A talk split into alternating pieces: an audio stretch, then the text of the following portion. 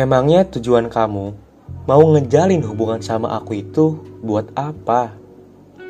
Dan kenapa kamu milihnya aku?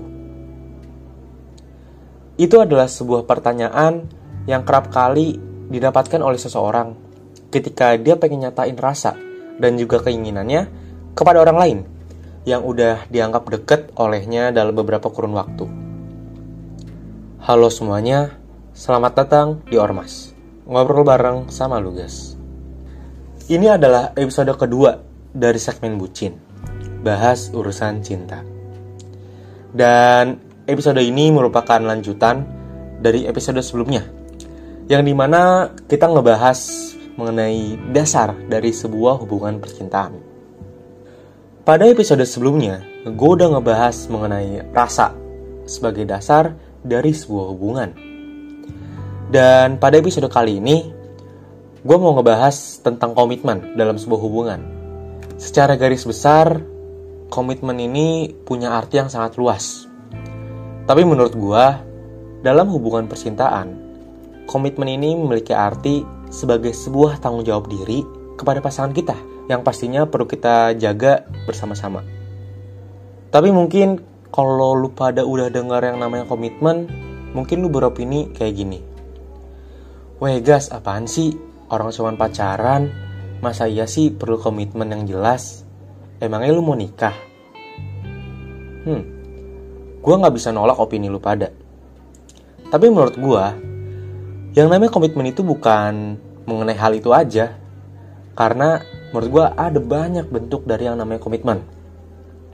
Oke, pada episode kali ini gue ambil beberapa contoh yang menurut gue ia bisa dianggap sebagai komitmen-komitmen umum dalam sebuah hubungan pada saat ini. Yang pertama, selalu berusaha untuk selalu ada dalam keadaan apa pun. Ya, hal itu udah pasti dong dalam sebuah hubungan. Yang di mana lo harus selalu berusaha buat pasangan lo. Karena untuk apa lo punya pasangan kalau kalian itu nggak punya hubungan yang baik? Kalian ini cuman mau ketika senangnya doang tapi ditinggalin ketika pasangan kalian lagi susah atau kalian lagi susah abis itu ditinggalin sama pasangan kalian itu kan jelas nggak enak maka dari itulah pada saat ini banyak sekali pasangan-pasangan yang memiliki komitmen dalam hubungannya adalah selalu berusaha untuk selalu ada dalam keadaan apa pun. Yang kedua, sebagai tempat cerita atau melepas kepenatan. Ya, pada saat ini banyak banget orang yang butuh orang lain sebagai tempat untuk dia cerita. Bahkan ada orang yang menganggap bahwa pasangannya adalah rumah bagi dirinya. Jadi ketika ia sedang susah, dia senang, dia pulangnya ya ke pasangan mereka juga sebagai tempat cerita dan juga untuk melepas kepenatan apabila mungkin dia sedang uh, penat atau mungkin lu lagi penat jadinya lu pengen cerita lu pengen ngeluarin unek-unek ke pasangan lu agar lu bisa refresh diri lu lagi dengan cara lu cerita ke pasangan lu dan itu hal yang wajar dalam sebuah komitmen dari sebuah hubungan maka dari itulah gue ambil hal tersebut sebagai salah satu contoh dari yang namanya komitmen dalam sebuah hubungan yang banyak dipakai oleh para pasangan pada saat ini. Dan yang ketiga nih, hanya untuk mendapatkan keuntungan atau kesenangan belaka. Ya, hal tersebut memang sedikit rancu dalam hubungan saat ini. Tapi percaya nggak percaya, cukup banyak pasangan yang menerapkan komitmen tersebut bahwa ya mereka memiliki pasangan, mereka memiliki hubungan hanya untuk mendapatkan keuntungan atau kesenangan belaka aja gitu. Ya mungkin itulah beberapa contoh dari yang namanya komitmen yang sering terjadi atau yang sering diterapkan oleh para pasangan pada saat ini. Gue ambil tiga contoh tersebut. Namun, perlu kalian ketahui bahwa hal yang paling sulit dalam sebuah hubungan adalah mempertahankan komitmen yang telah ada. Kenapa begitu?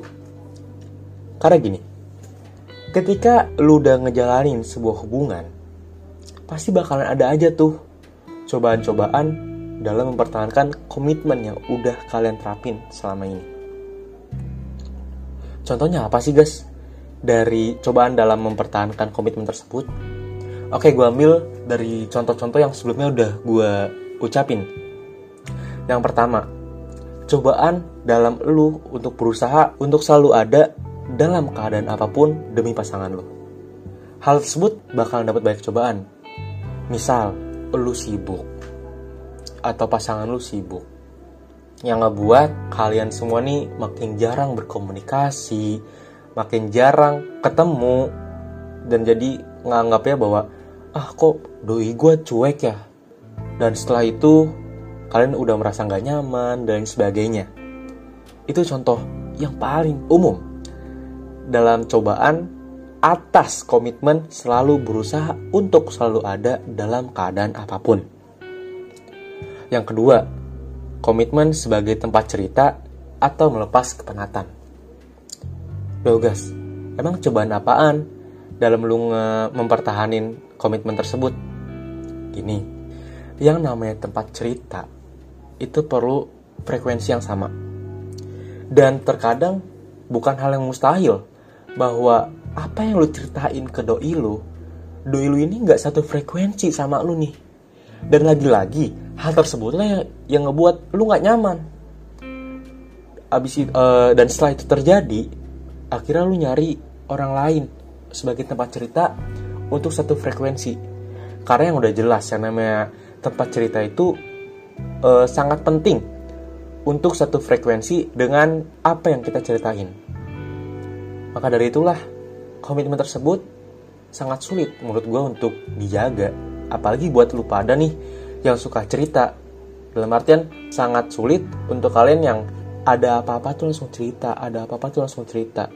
Itu bukan salah satu cobaan yang sulit ketika kalian udah nggak satu frekuensi sama pasangan kalian. Oke, yang selanjutnya hanya untuk mendapatkan keuntungan atau kesenangan belaka. Loh guys, itu kan komitmen yang yang paling nggak ada apa-apanya gitu loh. Cuma buat dapat keuntungan emang apaan cobaannya? Hmm percaya nggak percaya? Kalau lu udah deket sama orang lain misal nih cowok sama cewek udah sahabatan gue yakin 100% gak mungkin salah satu dari mereka gak punya rasa atas pasangannya.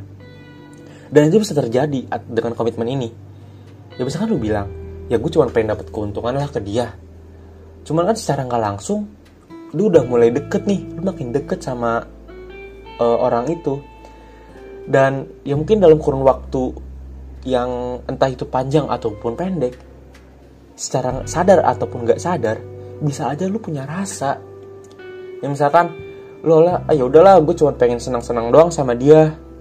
Tapi tiba-tiba dia main sama yang lain lu nggak enak. Kok dia mainnya sekarang sama yang sama si A ya? Bukan sama gue apa dia udah nggak seneng ya sama gue nah itu kan bisa aja tuh terjadi. Itu pasti gampang banget terjadilah. Untuk kalian yang mendapat komitmen tersebut maka dari itulah menurut gue sebenarnya komitmen hanya untuk mendapatkan keuntungan dan kesenangan belaka adalah komitmen yang paling rawan dan juga rancu dalam sebuah hubungan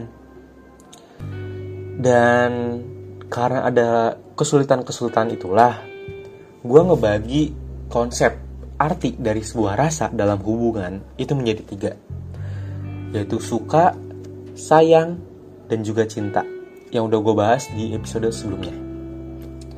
Dan komitmen ini biasanya muncul ketika rasa kalian dalam sebuah hubungan itu udah berada di tahap sayang dan juga cinta. Karena kalau udah rasa lu dalam sebuah hubungan itu hanya sekedar suka, lu jarang banget ada yang namanya komitmen. Gitu. Ya udah, pesan terutama buat yang lagi pada PDKT lah. Kalau lu mau ngelanjut hubungan lu, jadi hubungan pacaran atau hubungan yang lebih jelas lah gitu statusnya. Pastiin kalau lu sama dia itu punya komitmen yang jelas dari awal.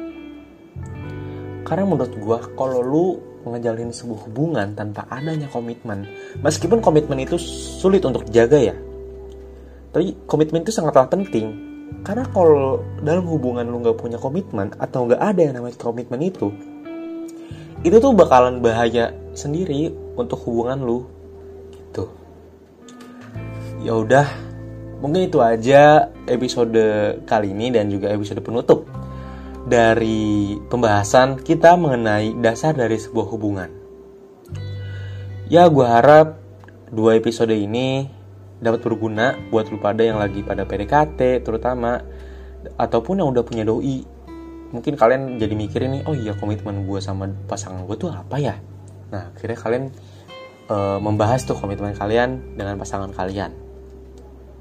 Ya sekali lagi gue harap kedua episode ini dapat berguna untuk kalian dalam menyatakan rasa dan juga menyiapkan komitmen yang mungkin akan kalian jalani di kemudian hari.